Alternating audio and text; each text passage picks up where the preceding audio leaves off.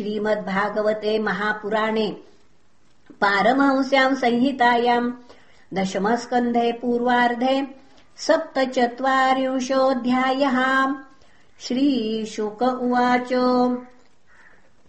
तम् वीक्ष कृष्णानुचरम् रजस्त्रियः प्रलम्बबाहुम् नवकञ्जलोचनम् पीताम्बरम् पुष्करमालिनम् लसद्मुखारविन्दम् मणिमृष्टकुण्डलम् शुचिस्मिता कोऽयमपि च दर्शन कुतश्च कस्याच्युत वेषभूषणः इति स्म सर्वा। परिवव्रूरुत्सुकास्तमुत्तमश्लोक पदाम्बुजाश्रयम्। तम् प्रश्रयेणावनतासु सत्कृतम् सव्रीडहासे क्षणसूनुतादिभिः रहस्य पृच्छन्नुपविष्टमासने विज्ञाय सन्देशहरम् रमापतेः जानिमस्त्वाम् यदुपतेः पार्षदम् समुपागतम् भर्तेह प्रेषित पित्रोर्भवान् प्रियचिकीर्षयाम्। अन्यथा गोव्रजे तस्य स्मरणीयन्न चक्ष्महे स्नेहानुबन्धो बन्धूनाम् मुनेरपि सुदुस्त्यजहाम्। अन्येष्वर्थकृता मैत्री यावदर्थविडम्बनम् पुंभिस्त्रीषु कृता यद्वत् सुमनस्विह। पुनः पुंभिस्त्रीषु कृता यद्वत् सुमनस्त्विस्विव षट्पदैः। निःस्वम् त्यजन्ति गणिकाम् अकल्पम् नृपतिम् प्रजाः अधीतविद्या आचार्य मृत्विजो दत्तदक्षिणम् खगावीतफलम् वृक्षम् भुक्त्वा चातिथयो गृहम् दग्धम् मृगास्तथारण्यम्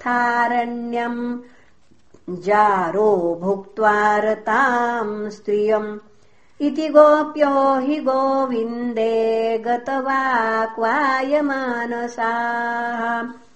कृष्णदूते व्रजम् याते उद्धवे त्यक्तलौकिकाः।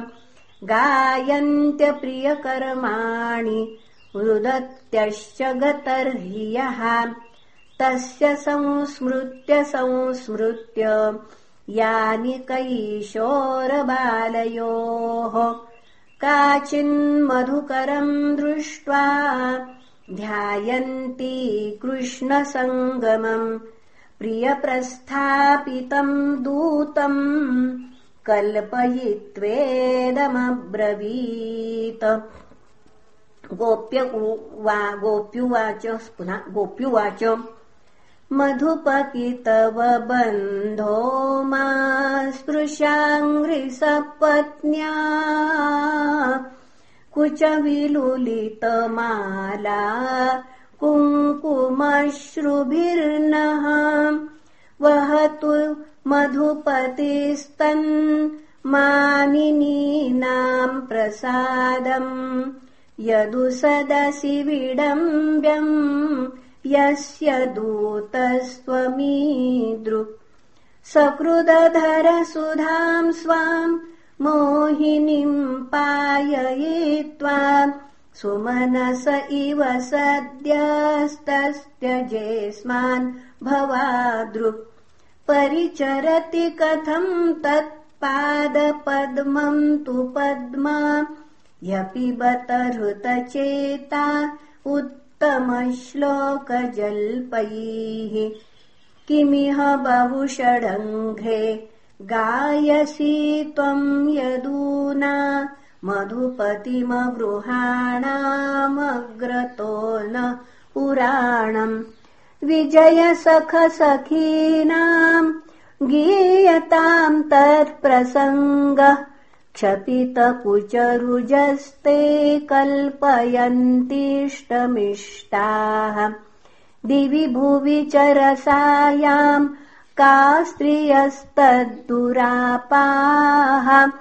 कपटरुचिरहास भ्रूविजृम्भस्य या स्युः चरणरज उपास्ते यस्य भूतिर्वयम् का? अपि च कृपणपक्षे युत्तमश्लोकशब्दः।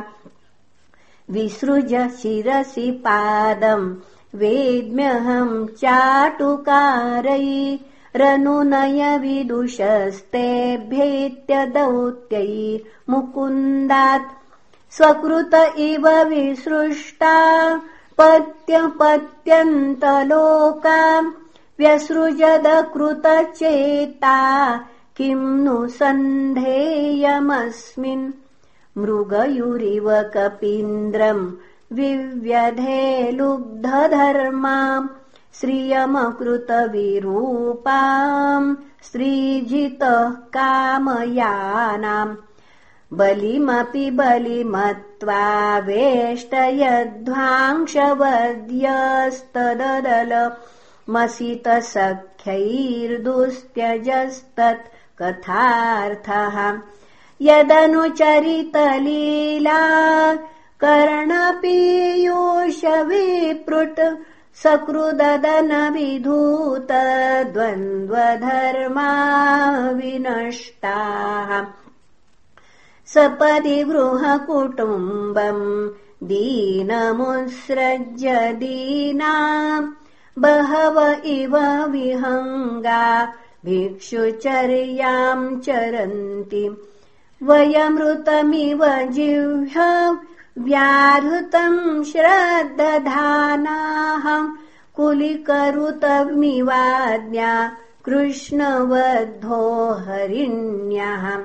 ददृशुरसकृते दे तत्तन्नख स्पर्श तीव्र स्मररुज उपमन्त्रिन् भण्यतामन्यवार्ता। प्रियसख पुनरागा प्रेयसा प्रेषिता किम् वरय किमनुरुन्धे माननीयोऽसि मेऽङ्गो नयसि कथमिहास्मान् दुस्तजद्वन्द्वपार्श्वम् सततमुरसि सौम्य श्रीर्वधू साकमास्ते अपि बत मार्यपुत्रोऽधुनास्ते स्मरति स पितृगेहान् सौम्यबन्धुश्च गोपान्। क्वचिदपि स कथान किङ्करीणाम् गृणीते। भुजमगुरुसुगन्धम् मूर्ध्यधास्यत्कदानु श्रीशुक उवाच अथोद्धवो निशम्यैवम् कृष्णदर्शनलालसाः। सान्त्वयन् प्रियसन्देशैर्गोपीरिदमभाषत। उद्धव उवाच अहो यूयम् स्म पूर्णार्था भवत्यो लोकपूजिताः। वासुदेवे भगवती यासामित्यर्पितम् मनः। दानव्रततपो होम जप स्वाध्याय संयमैः। श्रेयोभिर्विविधैश्चान्यैः। कृष्णे भक्तिर्हि साध्यते। भगवत्पुत्तमश्लोके भवतीभिरनुत्तमाम् भक्तिः प्रवर्तिता दिष्ट्या मुनीनामपि दुर्लभाम् दिष्ट्या पुत्रान् पतिन् देहान् स्वजनान् भवनानि च हित्वा वृणीत यूयम् यत् कृष्णाख्यम् पुरुषम् परम् सर्वात्मभावोऽधिकृतो भवती नामधोक्षजे विरहेण महाभागा महान् मेऽनुग्रह कृतः। श्रूयताम् प्रियसन्देशो भवतीनाम् सुखावहः। यमादायागतो भद्रा अहम् भर्तुरहस्करः श्रीभगवानुवाच भवतीनाम् वियोगो मे न हि सर्वात्मना क्वचित्। यथा भूतानि भूतेषु खमु वायुव्यग्निर्जलम् महि। तथाहम् च मनः प्राणो भूतेन्द्रियगुणाश्रयः। आत्मन्येवात्मनात्मानम् सृजेऽहन्यनुपालये आत्ममायानुभावेन भूतेन्द्रियगुणात्मनाम् आत्मा ज्ञानमयः शुद्धो व्यतिरिक्तो गुणान्वयः सुषुप्तिश्च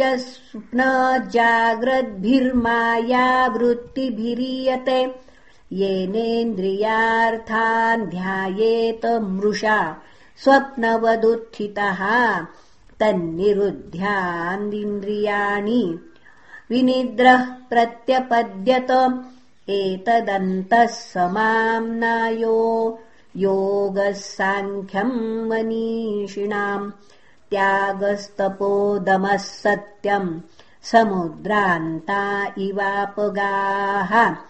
यत्त्वहम् भवतीनाम् वै दूरे वर्ते प्रियो दृशाम्। मनसः सन्निकर्षार्थम् मदनुध्यानकाम्ययाम् यथा दूरचरे प्रेष्ठे मन आविश्य वर्तते।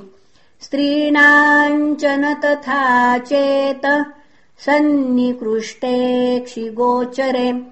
मय्यावेश्य मनः कृत्स्नम् विमुक्ताशेषवृत्ति यत् अनुस्मरन्त्यो माम् नित्यमचिरान्मामुपैषथ या मया क्रीडता रात्र्याम् वनेऽस्मिन् व्रज आस्थिताः। अलब्धरासाः कल्याणो मा पुर्मद्वीर्यचिन्तया। श्रीशुक उवाच एवम् प्रियतमादिष्ट्य माकर्ण्यव्रजयोषितः ता ऊचुरुद्धवम् प्रीतास्तत्सन्देशागतस्मृतीः। गोप्य ऊचुः दिष्ट्याहितो हतः कंसो यदूनाम् सानुगोघ कृतम्। सर्वार्थैः कुशल्यास्ते च्युतोऽधुना कच्चिद्गदाग्रजः सौम्य करोति पुरयोषिताम्।